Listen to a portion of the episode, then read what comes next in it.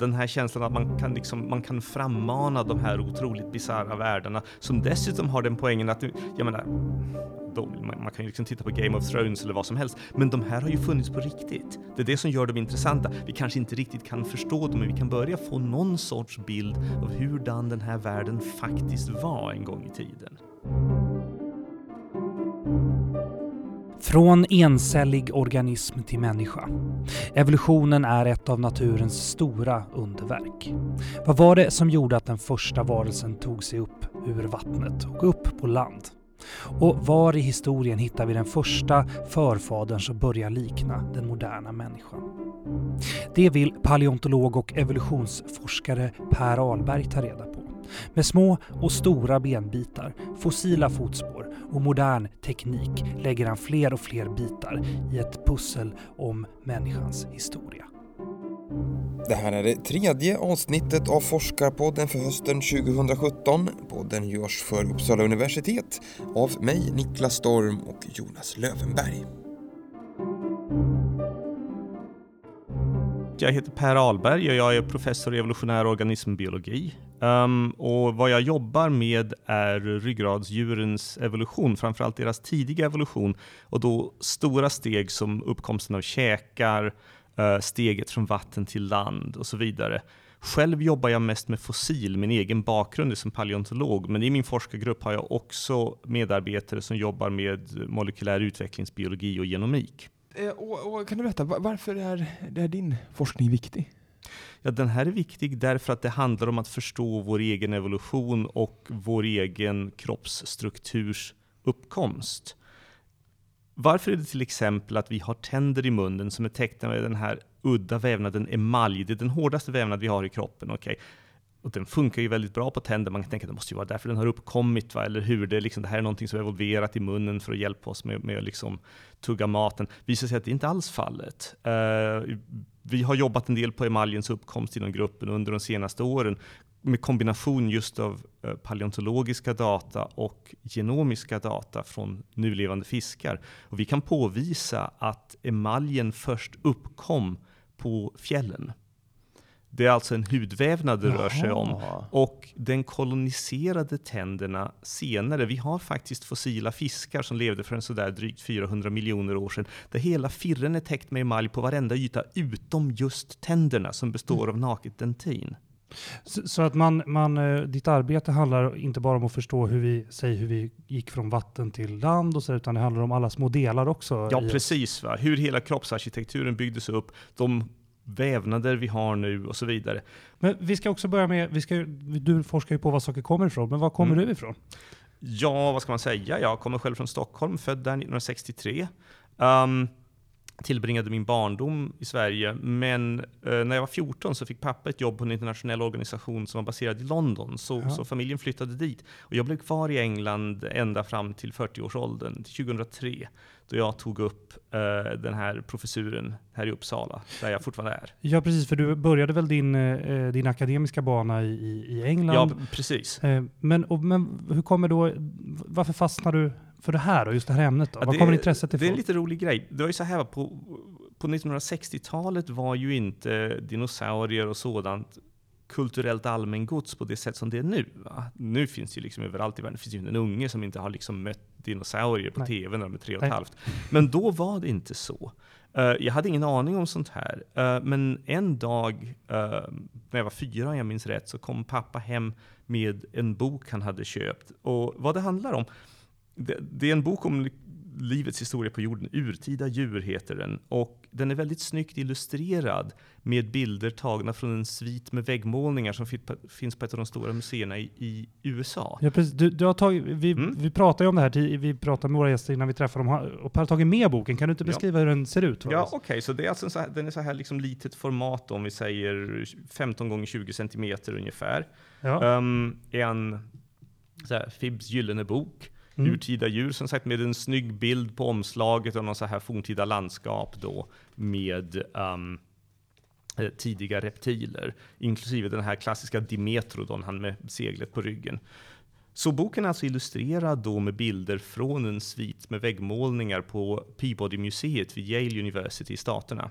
De där är väldigt snygga och har en viss liksom fotorealistisk känsla och jag blev otroligt imponerad av det här när jag bläddrade i den här boken för första gången. Där har man till exempel en snygg bild av hur livet klättrar upp på land.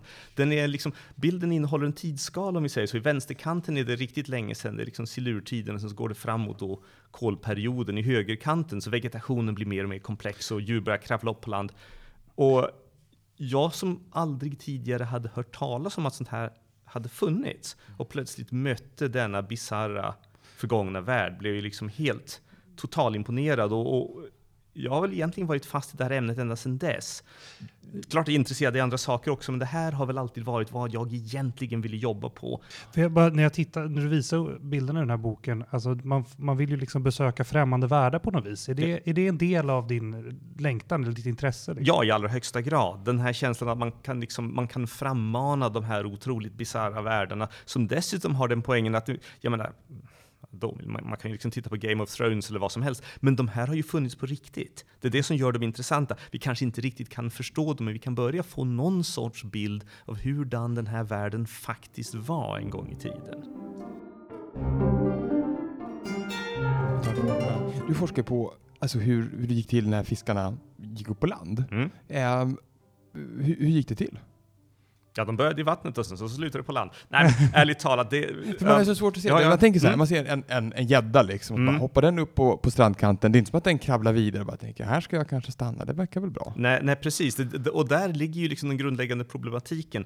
Man kan ju nyansera det där lite grann och notera att det finns fiskar även idag som klarar sig bra på land. Så här slamkrypare till exempel, de är anpassade till någon sorts liv halvt i och halvt ur vattnet. Viktigt att säga förresten att de är ju inte alls släkt med de tidiga fiskar som till slut gav upphov till oss. Va? Men, men de gör en lite liknande grej. Men generellt kan sägas att jag menar, det är just den problematiken jag har arbetat med under en lång tid. Och vad vi finner är att vi har en ganska lång övergångsfas med vad vi väl fortfarande får kalla fiska på något sorts formellt sätt, för de har pariga fenor istället för framben och bakben. Men de börjar redan se, liksom, hur ska vi säga, närmast krokodilaktiga ut i formen. Den här ganska berömda mellanformen Tiktaalik som beskrevs av Neil Shubin från Chicago för några år sedan är ett, ett paradexempel. Men det finns andra former också, till exempel en som heter Panderictis som jag har jobbat med själv.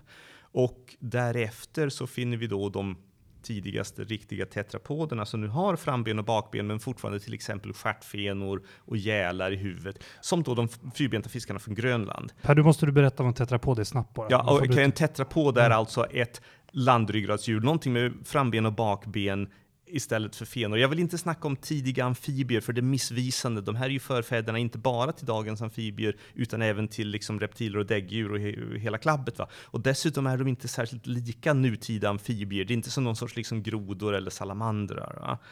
Um, så tidiga tetrapoder är den generella termen vi använder för de här allra då tidigaste övergångsformerna. Så här, du, Mm. alla de här spännande sakerna, man, Mm. man undrar, men hur tar du reda på det här då? Hur går din forskning till?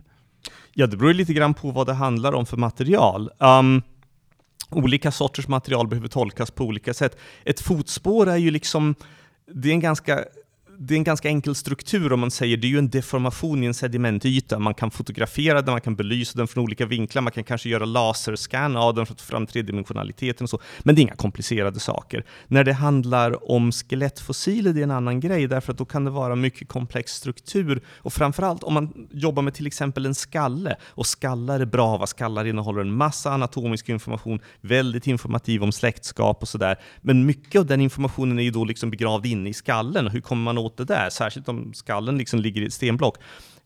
Traditionellt har man preparerat fram benen, man har alltså avlägsnat sedimentet sandsten eller vad det må vara, va? kanske med någon mekanisk teknik eller med syra. Men det där är knepigt, det är lätt att man skadar själva fossilet som sen är väldigt bräckligt och sådär. Så vad vi gör mycket nu i våran grupp är att vi använder synkrotron mikrotomografi. Vi skannar våra fossil vid ESRF-synkrotronen i Grenoble. Det är alltså som, det är skiktröntgen på samma sätt som om man liksom kommer till sjukhuset med ett skadat knä. Um, om man, man blir CT-röntgad, men med den skillnaden att vi kan få väldigt mycket högre upplösning och dessutom en helt annan subtilitet, om vi säger, i de olika material som scannen kan åtskilja. Och vi kan sedan då sitta framför datorn med speciell mjukvara och dissekera fram den här anatomin på skärm i tre dimensioner med fantastisk upplösning och utan att göra någon åverkan på fossilet. Så vi jobbar väldigt mycket så numera. Så att, exempelvis om du har skannat en bit av en käke, då kan Mm. du se Eh, alltså kanske vad blodkärl har varit då? Ja, alltså, och- absolut. och- precis. Um, det, det, det är exakt grejen. Vi håller på, jag menar, en del av det vi gör med synkrotronen är på så att säga morfologisk nivå. Vi tittar på strukturer som kanske är några millimeter stora. Och då använder, ju gans, använder vi ju då en ganska lågupplöst scan, men vi kan gå till väldigt, väldigt hög upplösning, ungefär en tusendels millimeter. Och vi använder det när vi ska titta på histologin, alltså vävnadens inre struktur. En viktig grej att förstå när det gäller fossila ben är att normalt så är själva benvävnaden bevarad. Man kanske tänker sig att det här liksom har förvandlats till sten på något vis, men det är inte alls fallet. Eller det är väldigt ovanligt i alla fall. Normen är att den ursprungliga benvävnaden är rätt väl bevarad, så inuti benet finner vi hålrummen där bencellerna låg, vi finner inbäddade fibrer, vi finner årsringar om vi säger det. Tillväxten stannade upp och sen fortsatte igen en med en fantastisk detaljbevaring ner till ren liksom nanoskala. Jag menar, man har kunnat rekonstruera tredimensionell histologisk struktur tidigare, men det har varit väldigt mödosamt. Man har fått jobba med en massa snitt och så gissa sig till en hel del och ofta visar sig att det blivit fel. Vi kan helt enkelt plocka fram den 3D-struktur som finns där inne dissekera fram den lager för lager. Så till exempel i ett par studier som vi presenterade nyligen, av vilka en gick ut som en article i Nature förra året, Chen et al. 2016, um, tittade vi på tandersättningsprocessen hos en av de allra äldsta kända benfiskarna från Gotlands silur, 425 miljoner år gammal, Andreolepis heter den. Och vi kunde alltså dissekera fram hela successionen av tänder som hade växt fram, tappats, ersatts, tappats igen, ersatts. Därför att varje gång en tand ramlar ut bildas ett litet R, om vi säger i benet. Och det finns kvar där nere, ett litet koppformat R, som till slut ligger staplade, ungefär som man tänker sig assietter i ett skåp, med tanden stående som en liksom upp och nervänd glasstrut på den översta.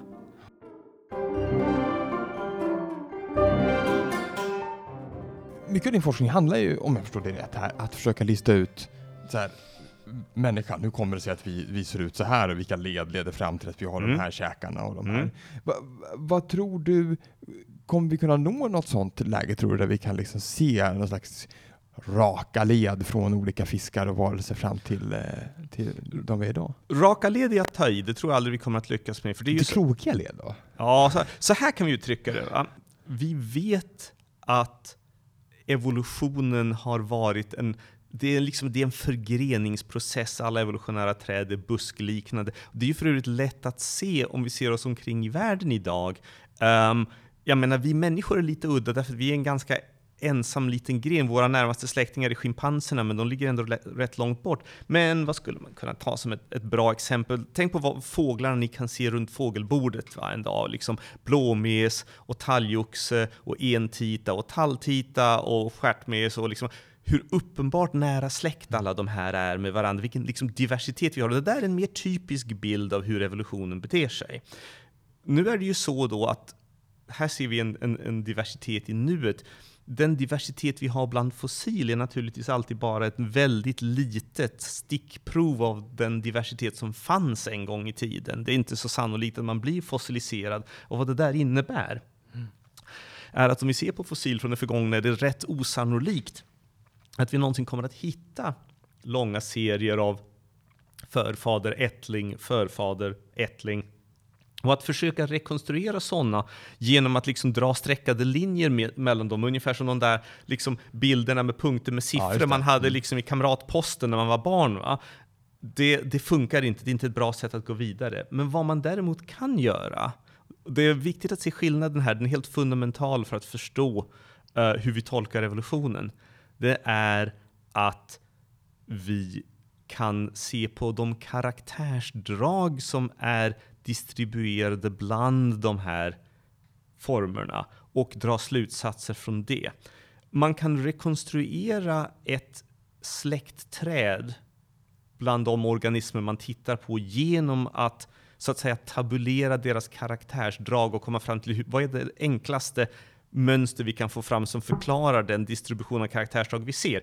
Ponera nu till exempel att vi tar fram ett träd då av ett antal fossila fiskar och så här tidiga tetrapoder. Och allting är ju liksom grenar och ingen är upplagd som förfader till någon annan. Men vi kan se att den nedre delen av trädet helt karaktäriseras av fiskar med pariga fenor med en intern struktur som ser ut lite så här humerus radius ulna tjosan. Och sen den övre delen av trädet karaktäriseras helt av djur som har framben och bakben med tår och de har inte längre fenstrålar och så vidare. Då kan vi dra slutsatsen helt robust att evolutionen har gått från fenor som såg ut ungefär så här till framben och bakben som såg ut ungefär så här. Vi kan dra ganska detaljerade slutsatser trots att vi inte hittar direkta förfäder. Jag menar, det är lite grann som man kan säga um, om, liksom, om, jag, om jag är infödd svensk så kan jag räkna med att mina förfäder på vikingatiden levde ett vikingatidsliv. Jag vet ingenting alls om mina direkta förfäder. De, de fanns ju. Va? Mm. Men jag vet ingenting om dem. Det här är data som aldrig går att återfinna. Men på basis av vad vi vet generellt om människorna vid den tiden, som alla är liksom mina släktingar på något vis, mm. så kan man dra slutsatser om hur det måste ha varit även för mina förfäder. Och det är ungefär så det hela fungerar. Det gör att vi kan få fram en väldigt detaljerad bild av till exempel människokroppens evolution.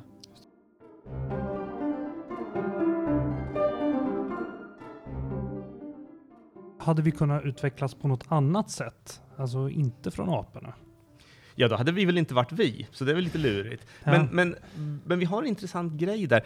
Ni vet hur det är, med jämna mellanrum så kommer det någon, någon, någon uh, rapport i den mindre seriösa pressen om, liksom, vad ska vi säga, utomjordingar som förvaras vid eh, Area 51 i Roswell eller, ja. eller något liknande. Och ibland så ser man bilder, ni har kanske sett de här klassiska bilderna på eh, en påstådd dissektion av någon sorts marsmänniska. Ja, Hur vet man att det där är fake? För det är helt uppenbart fake. Det är ganska lätt. Det är så här va, att vår hela kroppsform och framförallt om man tänker på vårt sätt att gå upprätta är alldeles unikt bland djuren och anledningen till att det är unikt är att vi har en väldigt ovanlig evolutionshistoria. Det finns gott om djur som går på bakbenen. Fåglar gör det till exempel, känguruer gör det, många dinosaurier gjorde det. Generellt funkar det alltid på samma sätt. Kroppen hålls horisontellt och sen så har man en, antingen en lång svans som balanserar eller hos fåglar är det helt enkelt så att knäna hålls ganska långt fram så rätt mycket av liksom buken, om man säger, hamnar bakom knäna och så balanserar fågeln. Um, vi går ju med en upprätt kropp.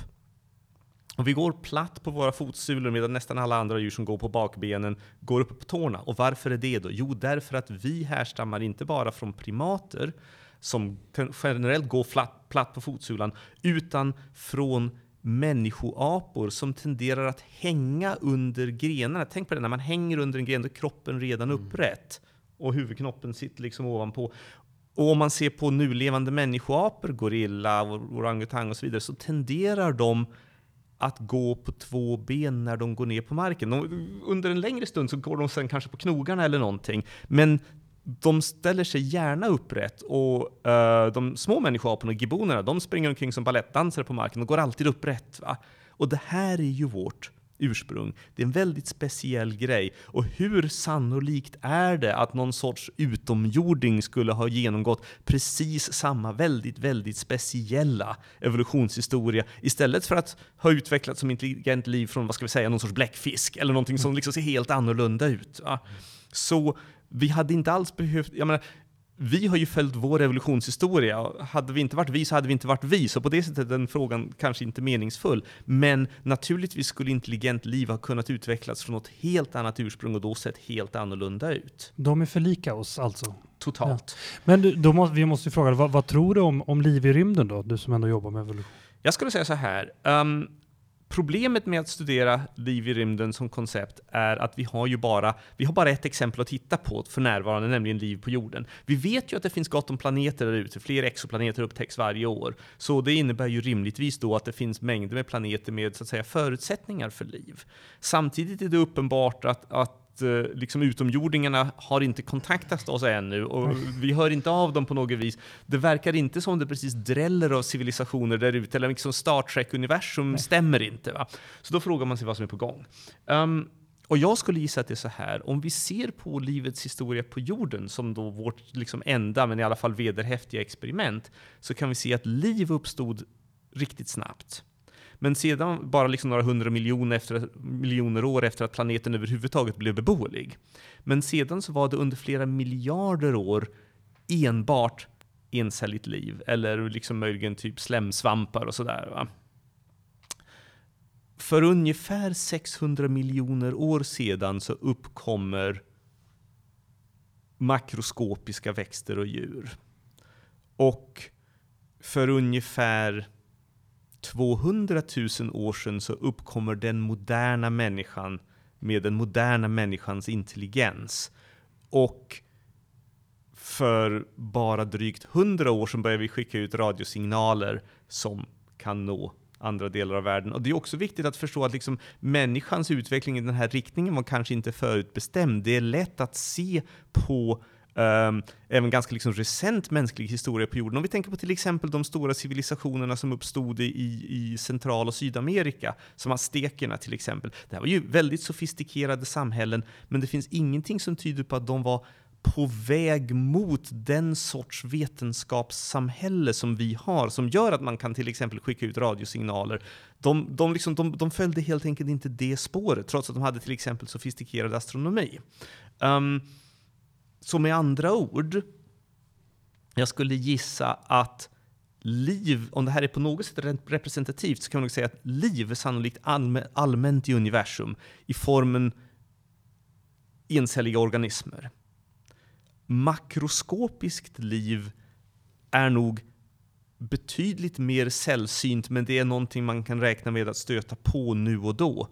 Och det kan naturligtvis även innefatta intelligens upp till nivån, ska vi säga, elefanter och delfiner och så. Det är kanske inte är jätteovanligt. Men civilisationsskapande arter är sannolikt extremt sällsynta. Um, framförallt sådana som är i ett läge där de faktiskt kan börja kommunicera med omvärlden. Och sen är det också så att vi vet ju inte hur länge vår Eh, högteknologiska civilisation kommer att överleva. Det, man, man hoppas att den visar sig varaktig, men, men liksom, det får ju framtiden utvisa. Dessutom skulle jag säga att det finns en annan poäng här.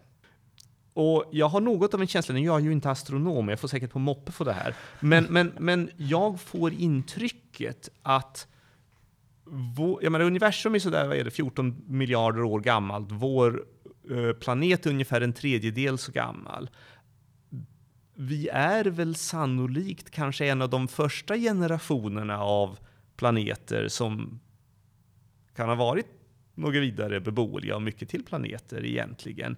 Det är inte sagt att det har funnits man kunde ju liksom föreställa sig att, att på något sätt civilisationernas historia i, i, universum kunde gå många miljarder år tillbaka i tiden, men det är inte nödvändigtvis fallet. Det kan vara att vi är ganska tidigt ute på spelplan. För eh, ganska nyligen då innan den här inspelningen så, mm. eh, så har du fått berätta om en, om en, om en ny upptäckt om ett eh, fotspår ni har hittat på mm. Kreta. Kan du inte berätta vad det handlar Absolut. om? Ska omedelbart säga att det handlar inte om ett fotspår. Ah, Vi har okay. kanske 50 spår sammanlagt, av ah, vilka ja, ja. sådär 25-30 är någorlunda anatomiskt informativa. Ett fotspår drar man ju inga slutsatser från. Um, det är en väldigt viktig skillnad. Men ja. um, det här är en riktigt intressant story. Lustigt nog så börjar den i det här arbetet på tidiga tetrapodfotspår från, från Polen, som jag nämnde tidigare. Därför att de spåren hade upptäckts av en, en ung och begåvad uh, spårpaleontolog där, som heter Grzegorz Niewicki. Och vi arbetade tillsammans med den artikeln och kom väldigt bra överens. När han avslutade sin doktorandtid så rekryterade jag hit Grzegorz, som nu är medlem i min grupp. Och när han kom hit så tog han ju med sig en del halvfärdiga forskningsprojekt, bland annat ett som fick mig att fullständigt haja till. För några år tidigare hade en av hans polska kollegor, Gerard Gierlinski, av en, en, en slump hittat en fossil fotspårslokalitet i Kreta. Ja, halvslump. Han var där på semester, men han är, han är alltid på, på jakt efter nya fotspårslokaliteter. Här på västligaste Kreta finns det spårlokaliteter från en tid vi kallar för miocen. Det är sådär 5, 6, 7 miljoner år sedan, eh, alltså under däggdjurens tidsålder. Han var intresserad av att finna däggdjursspår från den här tiden. Men han hittade spår som gjorde honom helt förbryllad. Um, något senare så visade han de här spåren för, för Gregors som insåg att det handlade, det måste handla om tidiga spår av homininer, alltså förmänniskor. Vi har ju väldigt karaktäristiska fötter, inga andra djurfötter ser egentligen ut som våra. Den där sinnebilden vi har, alla som har läst Robinson Crusoe minns ögonblicket när Robinson hittar det första fotspåret på sandstranden på vad han har trott vara en öde ö och hur han är som slagen av blixten. Detta naturligtvis därför att han vet på en gång vad det är. Det är ju inte som att man står och tittar och tänker, kunde det vara en get? Nej. Leguan? Nej, nej, men det är ett människofotspår, man ser det på en gång. Um, och vad vi har på den här lokaliteten på Kreta är helt uppenbara så att säga förmänniskofotspår. Delar av spåren är väldigt, väldigt människolika, framförallt tårna. Andra delar, om vi tittar på sulan, så är den lite mer människoapsaktig. Den, den har inget egentligt fotvalv. Va? Djuret är plattfotat och hälen är smal, in, inte bullig som vår. Hela sulan är dessutom kortare. Nå, um, det här var ju en fenomenal upptäckt, men det var, det var ett par problem med det hela. Dels så var liksom den analys som hade gjorts fram till dess och det liksom protomanuskript som, som forskarna hade börjat jobba på var inte så mycket att hänga i julgran i ärlighetens namn. Um, det hela behövdes göras mer rigoröst. Dessutom så visade det sig att vi behövde göra någonting åt om vi ska säga den juridiska situationen, för eh, Gerhard hade ju bara varit där på semester och det var väl liksom kul, men ska man göra fältarbete i Grekland så krävs ju tillstånd. Det här är ingenting som man liksom bara går och gör. Grekerna med all deras arkeologi är väldigt känsliga när det gäller sånt, så det, det här var ju något av ett bekymmer. Så hur som, jag kom med i det här teamet, styrde upp, den, den, styrde upp situationen med grekerna, organiserade en, en till eh, expedition till lokaliteten och såg till att alla spåren blev laserskannade så vi hade bra tredimensionella representationer av dem. Och sedan så, så ledde jag omskrivandet av, av artikeln. Så det hela slutade med att jag bjöds in att vara corresponding författare. Men sist förstås, och jag vill verkligen understryka, det är ju inte jag som hittade de här spåren, men hur som. Um, och sen hände någonting väldigt underligt, därför att vi skickade alltså in den här artikeln för första gången 2012 och tänkte det här går ju det här är ju liksom klockrent rakt in i Nature, det ska inte vara några svårigheter. För saken är att de här spåren är två miljoner år äldre än de äldsta kända homininfotspåren från Laetoli i Afrika. De är mer primitiva och dessutom är det väldigt intressant att de inte kommer från Afrika, där alla de andra tidigaste kända förmänniskofossilen, både skelett och liksom fotspår, har hittats det är inte riktigt så konstigt som det låter med Kreta, för Kreta var inte en ö på den här tiden, den satt fast vid grekiska fastlandet, men vi är ändå på Medelhavets norra strand, alltså det är ju en bit bort. Så i alla fall, men vi skickade in den här artikeln och tänkte det här blir ju inte svårt, och vi fick totalt mothugg. Uh, oerhört fientliga recensioner av folk som helt enkelt vägrade att acceptera att det här var fotspår överhuvudtaget. En väldigt intressant situation därför att medförfattarna inkluderar en hel rad personer som är experter på fossila fotspår. Sammanlagt har författarna till det här peket över 400 tidigare publikationer om fossila fotspår. Vilket man väl skulle tolka som en garant för deras kompetens. Men det gick inte alls. Vi mötte en absolut vägran att, helt, att ens överväga att det här kunde vara sant. Och så där höll det på i sex och ett halvt år tills vi till slut med mycket om och men lyckades baxa ut artikeln. Men det intressanta är att nu när den är ute, nu händer ungefär vad jag väntade mig. Nu när den är ute så har våra kritiker eh, slutat orera. De hade... Det här, det låter ju liksom självbelåtet, men så här är det. De hade aldrig någonting att säga. Det var aldrig en konstruktiv kritik. Det var aldrig, ni måste ju se att det här är fel och de borde tolka sig så här istället. Det är bara, det här är ju ingenting, gå er väg. Det var i stort sett allt vad folk sa. Så nu har de ingenting att säga. Vad vi istället får nu är fler och fler kommentarer, de börjar komma varje dag från andra forskare som har haft liknande tankar som vi ibland med liknande typer av material som de har haft svårt att få ut och som är väldigt glada att vi stod på oss. Det känns som om bilden av det här ämnet kommer att börja ändras ganska drastiskt, ganska snabbt nu.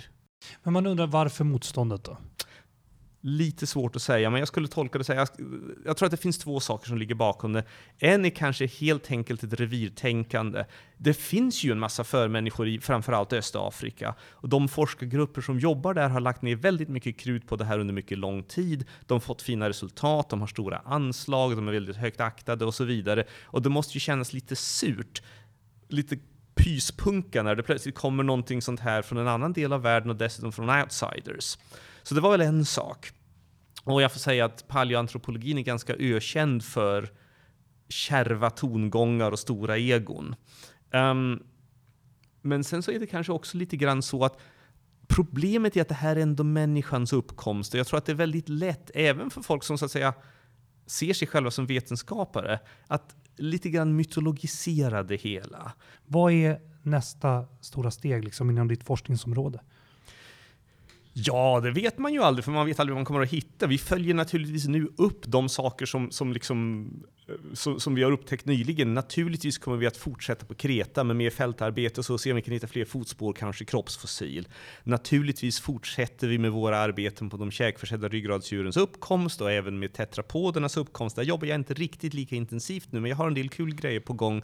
Bland annat samarbeten med kollegor i Ryssland och i Sydafrika. Jag ska till, åka till Sydafrika om några dagar dagar för att fortsätta med det här.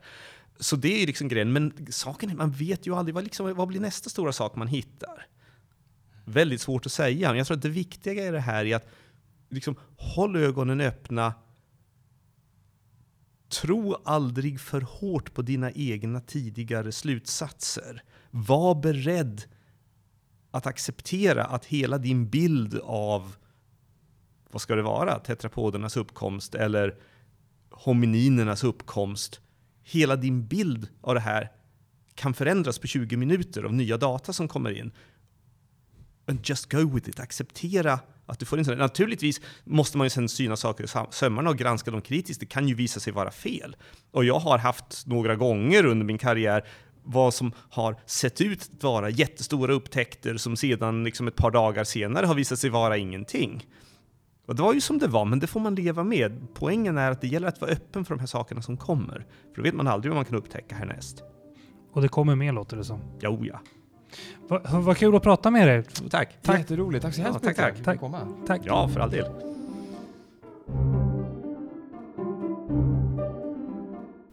Diskutera gärna det här avsnittet och för den delen alla andra avsnitt av Forskarpodden med oss. Vi finns på sociala medier. Använd hashtag Forskarpodden eh, så kommer du i kontakt med oss. Det går också jättebra att mejla på forskarpodden gmail.com. Och i nästa avsnitt träffar vi statsvetaren Sherin Ahlbäck Öberg eh, som berättar om det här. Problemet med New Public Management som eh, styrfilosofi, liksom, ja. det är att den utgår från att den funkar, funkar för allt. Liksom. Mm one size fits all. Man, in, man, man lägger på det här på stora myndigheter, på mindre myndigheter, på, på verksamheter som ägnar sig åt patientkontakt eller elevkontakt och på infrastrukturprojekt och sådär. Och, och, det menar jag, det är en typisk sån här eh, kritisk granskning då från forskarhåll. Nej men det, det funkar inte så bra. Det var allt eh, för den här gången. Tack för att du har lyssnat. Du har hört Forskarpodden, en produktion av Piggelkott Media för Uppsala universitet med musik av Marcus Sjöblom.